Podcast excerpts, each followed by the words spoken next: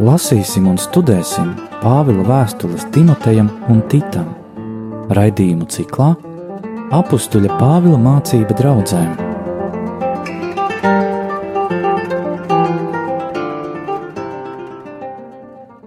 Slavēts Jēzus Kristus. Mūžīgi mūžos slavēts Studijā Stela un Anģela. Kā šodien turpināsim lasīt pirmo vēstuli Timotejam un iedziļināties tajā kārtībā, kādu apustulis Pāvils ir ieteicis baznīcas vadītājiem. Iepriekšējā reizē mēs noskaidrojām, ka toreiz arī it kā mēs varam tur redzēt to hierarhisko struktūru, bet toreiz tā bija ļoti nos, tāda nosacīta un faktiski arī sapratām, ka tas presbiters un bīskaps drīzāk apzīmēja funkciju nekā kādu noteiktu kārtu, kur viena ir augstāka par otru, un arī Noskaidrojām, ka diakons attiecas diakona kalpojums tieši uz praktisko lietām, uz palīdzību nabagiem, uz palīdzību atraitnēm, lai presbiteri, bīskapi varētu sludināt vārdu un vadīt draudzes. Un nedaudz jau varam saprast, kāpēc vēlāk radās šī struktūra, kas ir tik tāda, var teikt, pat stingra, pat ļoti noturīga un savā veidā pat ir ļāvusi izturēt visus šos 2000 gadus, un kā redzam, arī patreiz, nu, visādi ir, bet baznīca iet tālāk. Kā bija jau nepieciešams, lai vairāku draugu darbību kāds koordinē, līdz ar to jau iezīmējas citas plašākas bīskapa pilnvaras. Un Vēlākos gadsimtos, jau pēc Konstantīna, kad kristīgā reliģija ir atzīta valsts reliģija, notiek arī tas, kas varbūt nav tik pārāk labs un pārāk patīkams, ka garīdzniecība jau sāk no draudzēm vai tautas zināmā mērā pat attālināties. Tas nemazina šeit baznīcas vērtību noskaidrojām arī to, Bīskaps vairāk attiecas uz šo mācīšanas, mācību saglabāšanas funkciju, bet presbiteris ir tas, kas ar tām īpašībām, kas viņām piemīt, parāda, kādai jābūt ir baznīcai un kāda tā varētu būt. Nedaudz pieskārāmies arī situācijai, kāda ir mūsdienās, ka ārkārtīgi nikni tiek aizstāvēta bezlaulības prakse, un ap to gandrīz tā ir kā tāda robeža šķirtne, un tiek pat tas tā interpretēts, ka pāvests Francisks ierosināt precēt vīriešu ordinēšanu, nu ir vai izraisīs koronavīrusu, vai tūlīt sagraus baznīcu un izraisīs pasaules galu. Lasot apustuļu Pāvila vēstuli Timotejam, pirmo vēstuli Timotejam, varam ieskatīties tur arī vēstulē citam, mēs sapratām, ka pāvests Francisks jau nav izgudrojis no jauna divriteni. Viņš piedāvā iespēju, ierosina to atgriezties pie šīs sākotnējās prakses, kad apustulis Pāvils runā par dažādām dāvanām. Vienam ir tāda, otram tāda, viens var kalpot, būt presbiteris kā ģimenes cilvēks, cits var kalpot bez ģimenes. Un sapratām, ka uz šo brīdi, ja pāvests Francisks pat no tā atteicās, viņš ir rīkojies pareizi. Un te var pieminēt arī kādu priesteri Mihaila Volahova domu, ko viņš izteicis laikrakstām diena pagājušā gada decembrī, ka cilvēkiem būtu ļoti grūti pierast pie citāda priestera, precēta priestera tēla, kas apustuļu Pāvila laikā bija pašsaprotami. Un ka baznīcā viss notiek ļoti lēni, jo kā paši varam saprast, baznīca ir mūžības laiks, ne mūsu steidzīgais cilvēku laiks. Un pēc mūzikas pauzes mēģināsim pievērsties jau tām īpašībām, par kurām apustulis Pāvils runā, kādām ir jābūt šiem baznīcas vadītājiem, bīskapam, presbiterim un diakonim. Kādam viņam ir jābūt, lai šī mājas, baznīca, kas ir viņa ģimenē, varētu cilvēkiem parādīt, kādai ir jābūt visai lielajai baznīcai, draudzēji un draudžu kopībai.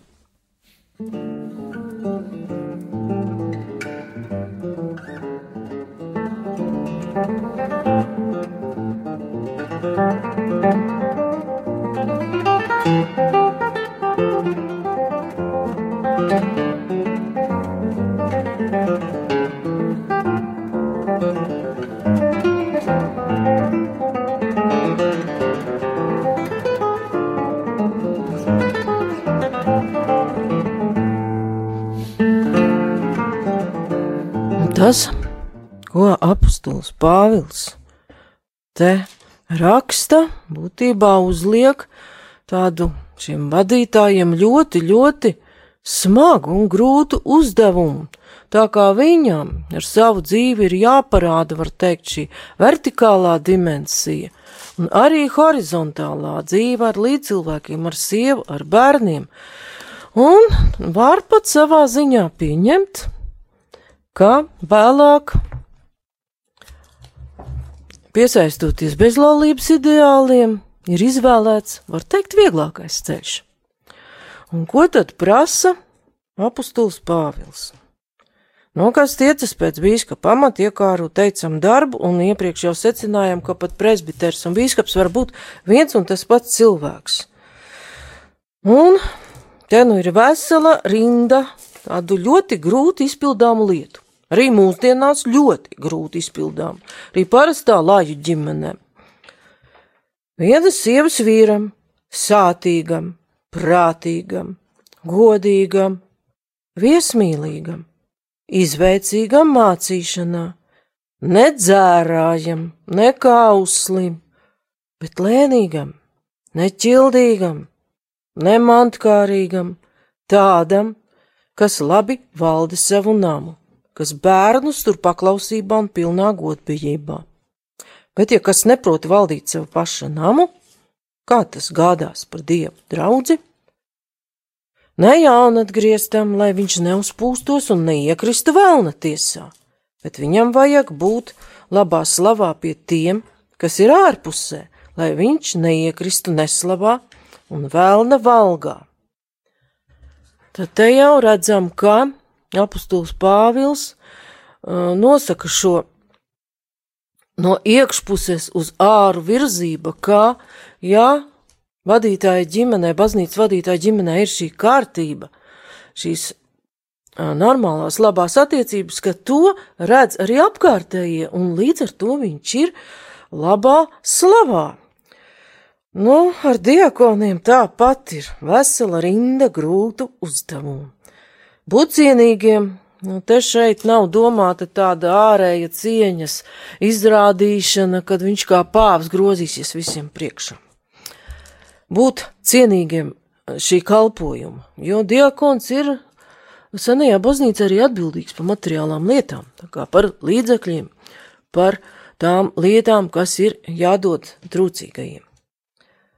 Un tālāk nedivkosīgiem, nepārmērīgiem vīna baudītājiem, ne negodīgas peļņas kāriem, tādiem, kas ticības noslēpumu glabā skaidrās sirdsapziņā. Diekoniem jābūt vienas sievas vīriem, kas labi valda bērnus un savu paša namu, tad sakrīt ar to iepriekšējo. Līdzīgas prasības mēs redzam arī vēstulē Titam. Un vēlāk mēs paskatīsimies, kā viss tas vārdu uzskaitījums skan uh, krievu tulkojumā, jo tur šie vārdi ir tādi precīzāki. Nu, ko tad Pāvils raksta vēstulē Titam? Par presbiteriem. Tiem jābūt nevainojumiem vienas sievas vīriem, kam bērni ticīgi, nevis palāģi vai nepaklausīgi. Jo bīskapam, nu atkal te var saprast, presbiteriem viņš vispirms runā par presbiteriem. Septītā, jo bīskapam iznāk, ka tas attiecas uz to pašu cilvēku. Un viņa funkciju mēs varējām pamanīt jau vēstulē Titam izveicīgam piedodiet vēstulē Timotejam, izveicīgam mācīšanā, tātad skaidrot Kristus evaņģēliju un nodot to tālāk. Nu, atkal tas pats dievanām turim neiedomīgam, ne dusmīgam, ne dzērājam, ne kauslim, ne ierāvējam, bet viesmīlīgam, laba mīļotājam, prātīgam, taisnam, svētbijīgam, savaldīgam. Viņam jārūpējas par sludināšanu, kas atbilst mācībai, lai viņš būtu spējīgs paskubināt veselīgā mācībā un atspēkot tos, kas runā pretim. Tā tad vēl viens ļoti nozīmīgs bīskapa uzdevums pat līdz mūsu dienām - spēt aizstāvēt evaņģēlīju vēsti un pat runāt pretī tiem, acīm redzot arī ieskaitot valsts varas pārstāvjiem, kas runā pretī šiem evaņģēliju, arī svēto rakstu kopumā principiem. Un tagad ieklausīsimies, kā visi šie vārdi skan, jā, tos lasa Krievu valodā. Titam, kuru tu nodaļu lasi? Es lasīju abus kopā. Jo es vēlējos parādīt klausītājiem, Titam, ka titam, sa sakrīt. nodaļa? Tic ir pirmā nodaļa. Pirmā. Vēlējos, jā, varbūt nolasīt titam, kad mēs redzam, ka prasības ir ļoti, ļoti līdzīgas. Un pat tie abi amati, viņi ir tik sasaistīti, ka saprotam, ka tās ir funkcijas. Var arī lasīt arī tā, un tad mēs varam lasīt pirmā vēstule titam, krievu valodā, no sestā panta. Если кто не, по- кто не порочен, муж одной жены, детей имеет верных, неукоряемых в распутстве или непокорности, ибо епископ должен быть непорочен, как Божий домостроитель, не дерзок, не гневлив, не пьяница, не бийца, не корыстолюб... корыстолюбец, но странно любив, любящий добро, целомудрен, справедлив, благочестив, воздержан, держащийся истинного слова, согласованного с учением, чтобы он был силен и наставлять в здравом учении противящихся обличать. Paldies! Var teikt, ka Krievu tulkojumā šie vārdi pat iegūst tādu dziļāku eh, svaru.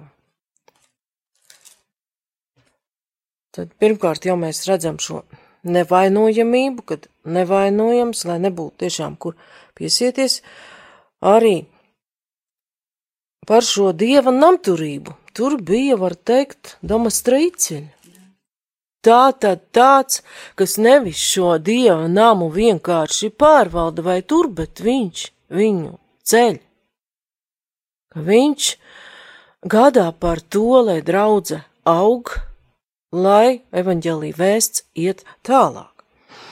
Arī eh, uh, viesmīlīgi, stranda ļubīvi.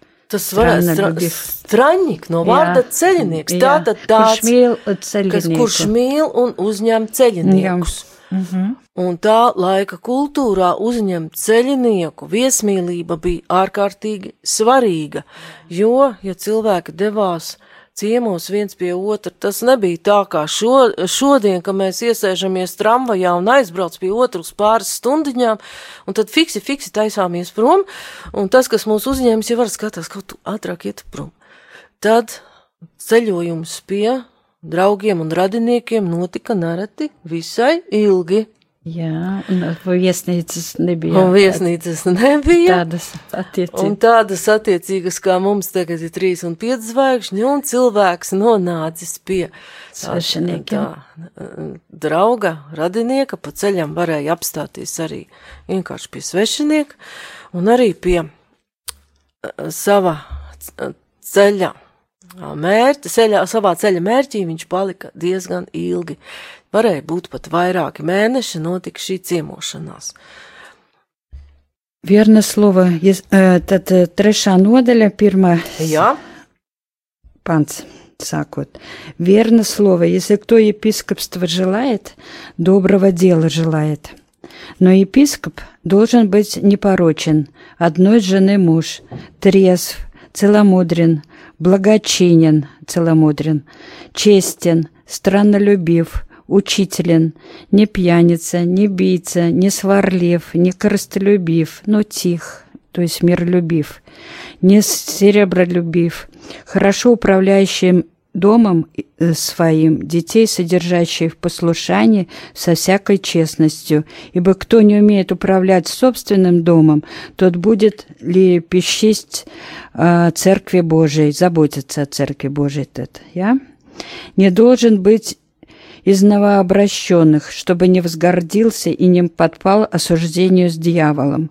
Надлежит ему также иметь доброе свидетельство от внешних, чтобы не впасть в нарекание и сеть дьявольскую. paldies. Un atkal eh, pat pēdējais teikums ir, ka jābūt ir labvēlīgai liecībai no apkārtējiem, ka tie apkārtējie var par šo cilvēku liecināt kā par labu, godīgu cilvēku. Un kāpēc tad ir te tik daudz dažādi tie noteikumi? Kā mēs varam vēsturiskā kontekstā saprast visi šīs prasības, to mēs mēģināsim aptvert jau pēc mūzikas pauzes.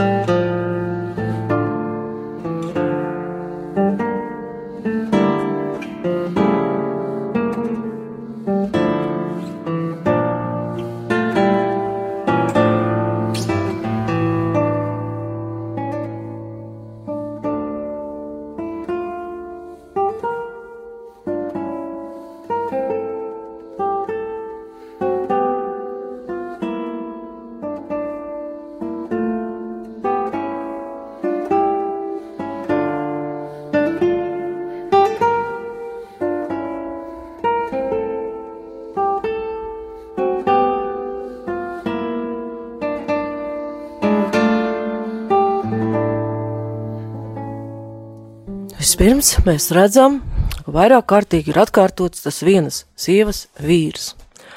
Kāpēc tad Pāvils to tā ļoti piekodina?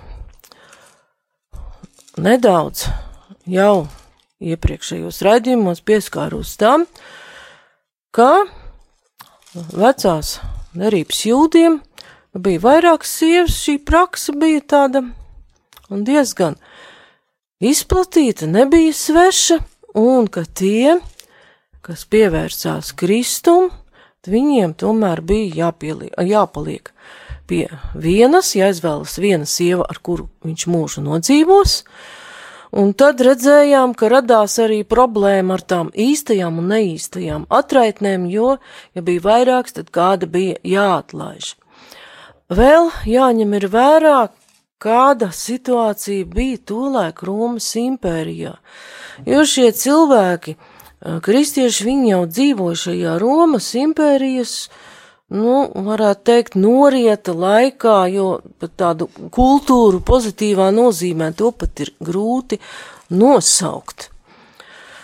Viens sievas vīrs tas nozīmē arī, ka viņš ir uzticīgs savai sievai un nešķiras, jo tā laika romiešu sabiedrībā šķiršanās bija, var teikt, pavisam parasta parādība, kā pat tā laika dzēnieki un rakstnieki un domātāji bija ar to neapmierināti un sacīja, ka no rīta aprecējies, jau vakarā varbūt cilvēks izšķīries. Tātad apustulis Pāvils norāda uz to, ka ir šis dzīvesveids pretējs tam, kā ir pieņemts tajā nu, paganiskajā sabiedrībā, kas ir apkārt, jo tā tomēr var ietekmēt dzīvi arī pirmo kristiešu kopienām.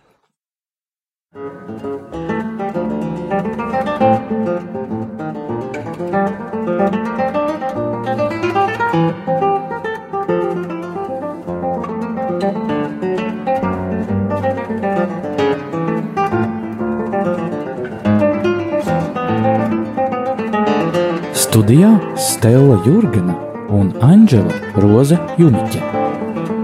Vēl kāpēc tālāk ir tie vārdi par to kaušanos un vīna dzeršanu, tas izklausās gandrīz kā no mūsu dienām.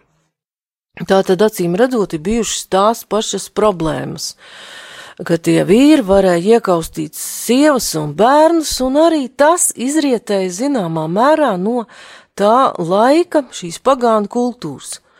Romiešu kultūrā sieva bija vīra īpašums. Grieķu kultūrā arī vīra īpašums un vispār nemaz nelien ārā sēdi mājās un klausi vīru. Un kā viņš izturās, tas nu bija atkarīgs pilnīgi no tādas viņa godprātības. Tad šeit jau apustuls Pāvils, lai kā Nu, var viņa vēstulēs pat sajust, ka viņam varbūt sievietes tā kā drusku nepatīk, bet viņš tomēr mudina uz šo cieņu un labvēlību, jo ir tomēr tas teksts vēstulē efeziešiem, kur Pāvils aicina vīru mīlēt sievu, kā Kristus mīlējis baznīcu, kas ir ļoti augsts standarts. Un viņš vēl citā vietā vēstulē korintiešiem runā par tiem dzērāģiem un visiem tiem pārējiem grēkiem, ka viņi netiks Dieva valstībā. Un tā, nē, tikai galatiešiem bija par kaut ko citu. Pirmā vēstule korintiešiem, sestā nodaļa. No astotā panta, bet jūs darāt netaisnību un pārestību un to vēl brāļiem, tātad tur ir bijušas kaut kādas problēmas.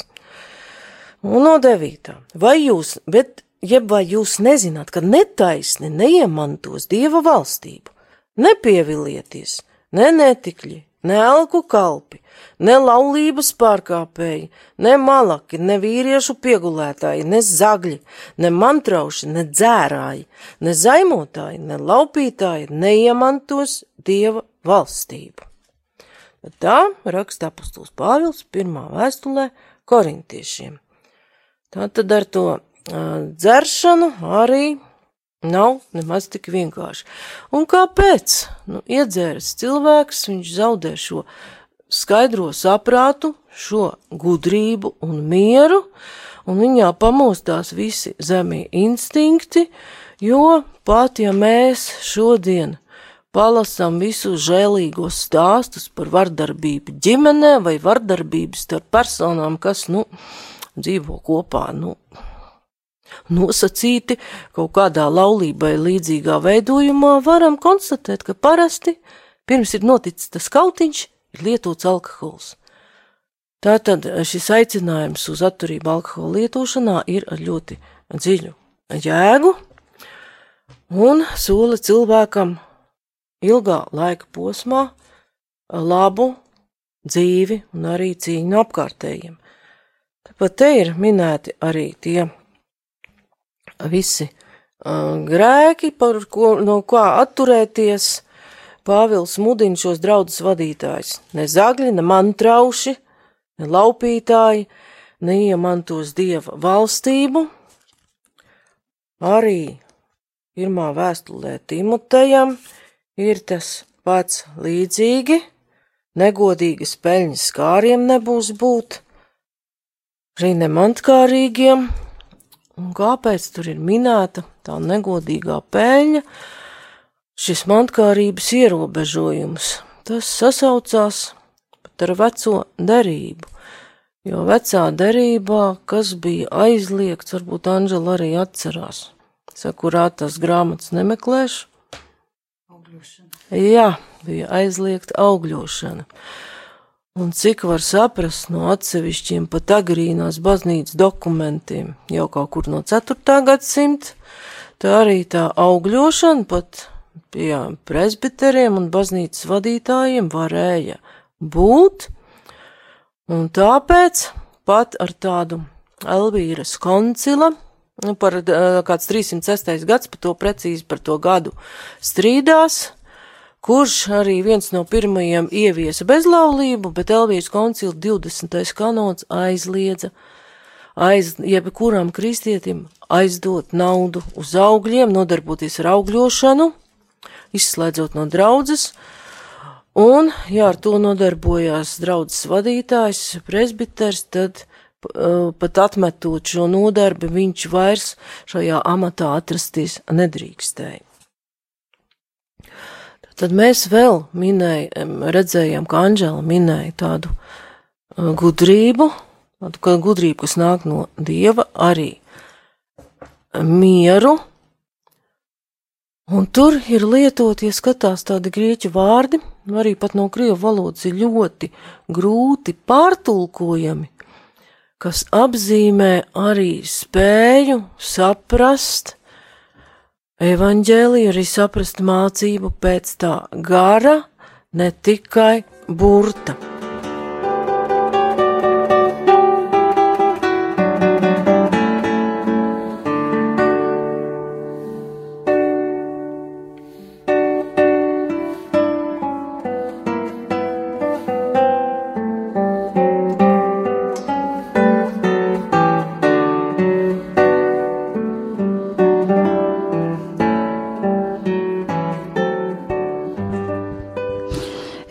izlasīšu arī. Mm, Jā, izlasīšu krievu valodā. Pauze ir skanējusi un Jā. izlasam tagad. Uh, Titam vēstulījā. Uh, otro nodaļu, ja mēs pārējām pakāpeniski pie diakoniem. jā, un tas ir ļoti svarīgs jautājums. Jā, un šeit interesants tāds lasījums no pirmās nodaļa, uh, pirmās pantas sākšu. Un saucās обязанности отдельных званий.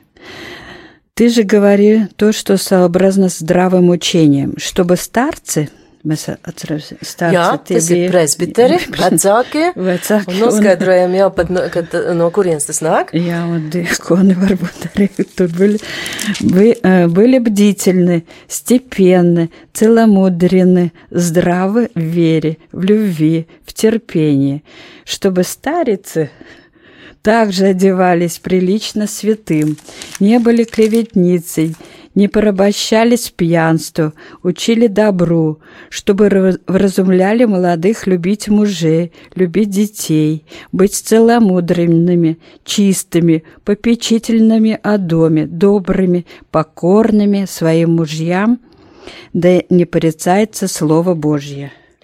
Paldies! Tā kā mēs atkal redzam, ka te ir skarti gan vīrieši, gan sievietes, un tas starci latviski ir vecākie vīri. Jā, tas, nu, nu, tas ir tā, tas neizsaka neko, bet starets tas jau ir cilvēks, draudzē, ar autoritāti. Un ja zvaņie, tad mēs varam saprast, kad atkal ir runa par šiem draudzes vadītājiem. Veselīgi ticībā, skaidrā prātā, cienījami, prātīgi, mīlestībā, izturībā. Nu, te jau mēs varam ieraudzīt kaut ko no tā, ko apustulis Pāvils vēstulē galtiešiem runā par svētā gara augļiem, par šīm svētā gara dāvanām. Un tāpat vecākās sievas, lai izturas kā svētām pieklājas, Kā tāpat kā gandrīz vai mūsdienās nenododas ļaunām valodām, ja tenkošanai un pārmērīgai vīna dzeršanai, izrādās, ka arī toreiz sievietēm bija šī problēma. Un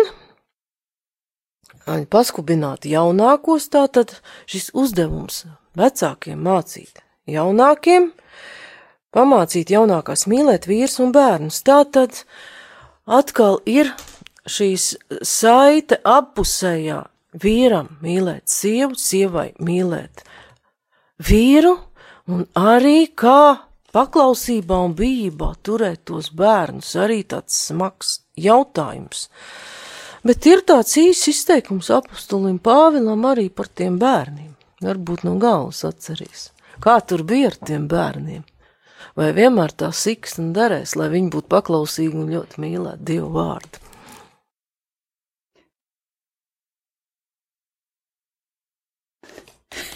Es atceros, ka pieaugušiem jābūt kā bērniem.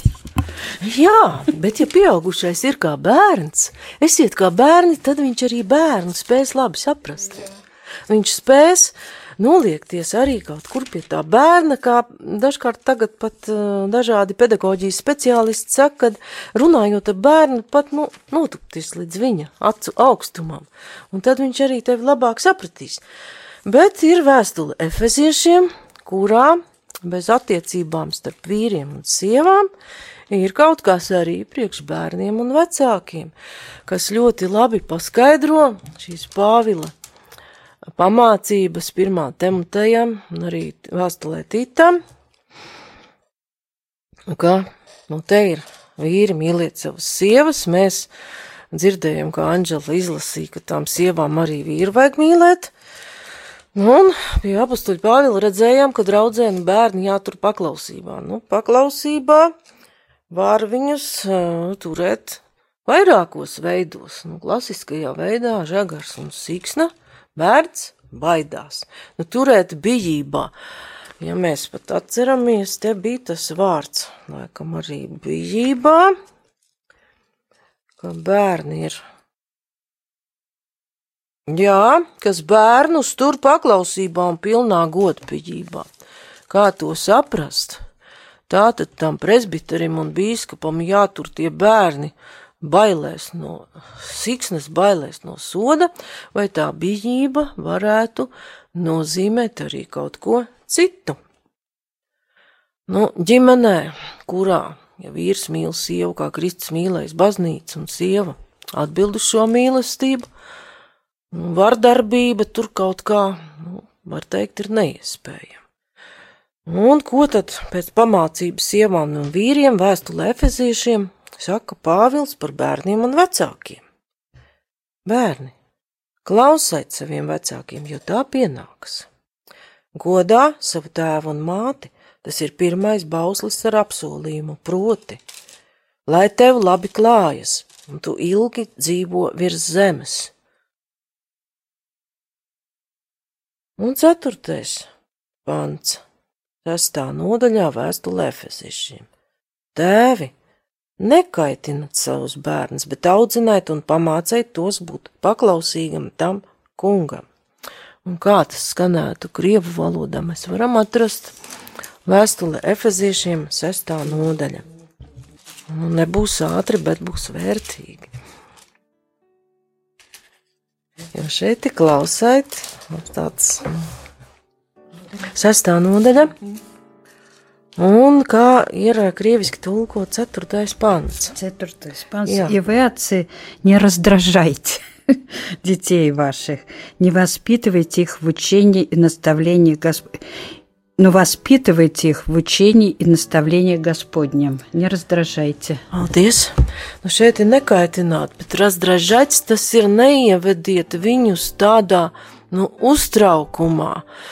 Un, ja es pareizi atceros, ir pat citā vietā, kad, nu, lai viņi netop, citā vietā Pāvils raksta, lai viņi netop bailīgi. Tātad neuztrauciet viņus, neiedzeniet viņus bailēs un uztraukumā bet māciet tieši šajā dieva mācībā, ievediet viņus dieva baušļos iekšā. Tad ar uh, labvēlību un maigumu ievediet viņus tur iekšā. Tātad kopumā apustulis Pāvils prasa it kā vienkāršas lietas, tas ir ģimene, kurā savstarpēji mīlestības starp abiem vecākiem – un arī starp vecākiem un bērniem. Un var teikt, tā ir ģimene, kas atrodas dieva klātbūtnē, ja var teikt, dzīvo iekšā pat dievā. Grūts uzdevums. Un cik jau tajā laikā cilvēkiem to izdevās, mēs to nemākam pateikt, bet tāda kārtība ir pastāvējusi diezgan ilgi, bet kāpēc viss mainījās, tajā mēs nedaudz jau ielūkosimies. Nākamajā reizē, kā izveidojās šāda situācija, ka latīņu ritam precēto garīdznieku praktiski nav, un tad turpināsim jau pievērsties nākamreiz arī vēst, pirmās vēstules Timotejam 4. nodaļā, un arī mēģināsim to apkopot ar tām domām, kuras ir līdzīgas jau otrajā vēstulē Timotejam, jo pa valdu mācībām ir runāts arī tajā. Bet šoreiz beigsim ar lūkšanu, pateicoties par visu, ko kungs, ko kungs mums ir devis. Pateicamies Tev, Tēvs, par šo dienu, pateicamies, ka esam varējuši būt veseli un šeit pulcējušies, ka Tu lēnām dziedini arī visus saslimušos un sērga iet mazumā, ka Tu esi cilvēkiem devis jau daudzas atziņas par to, kāpēc mēs esam šādā situācijā. Uz pasargā mūs arī turpmāk, pasargā radio visus darbiniekus, mūsu pašus, visus tos, kas kalpo salimnīcās, medicīnas iestādēs, pasargā visus mūsu garīdzniekus, ja visus tos, kas strādā veikalos citās iestādēs, kur mēs ejam. Dāvā mums savu žēlastību, to lūdzamies, kā Jēzus mācīja. Tēvs mūsu, kas esi debesīs, svētīts lai top tavs vārds lai atnāk tava valstība, tavs prāts, lai notiek kā debesīs, tā arī virs zemes. Mūsu dienascho maizi dod mums šodien, un piedod mums mūsu parādus, kā arī mēs piedodam saviem parādniekiem, un neieved mūsu kārdināšanā, bet atpestī mūs no ļaunā. Āmen! apstuļa Pāvila mācība draudzēm.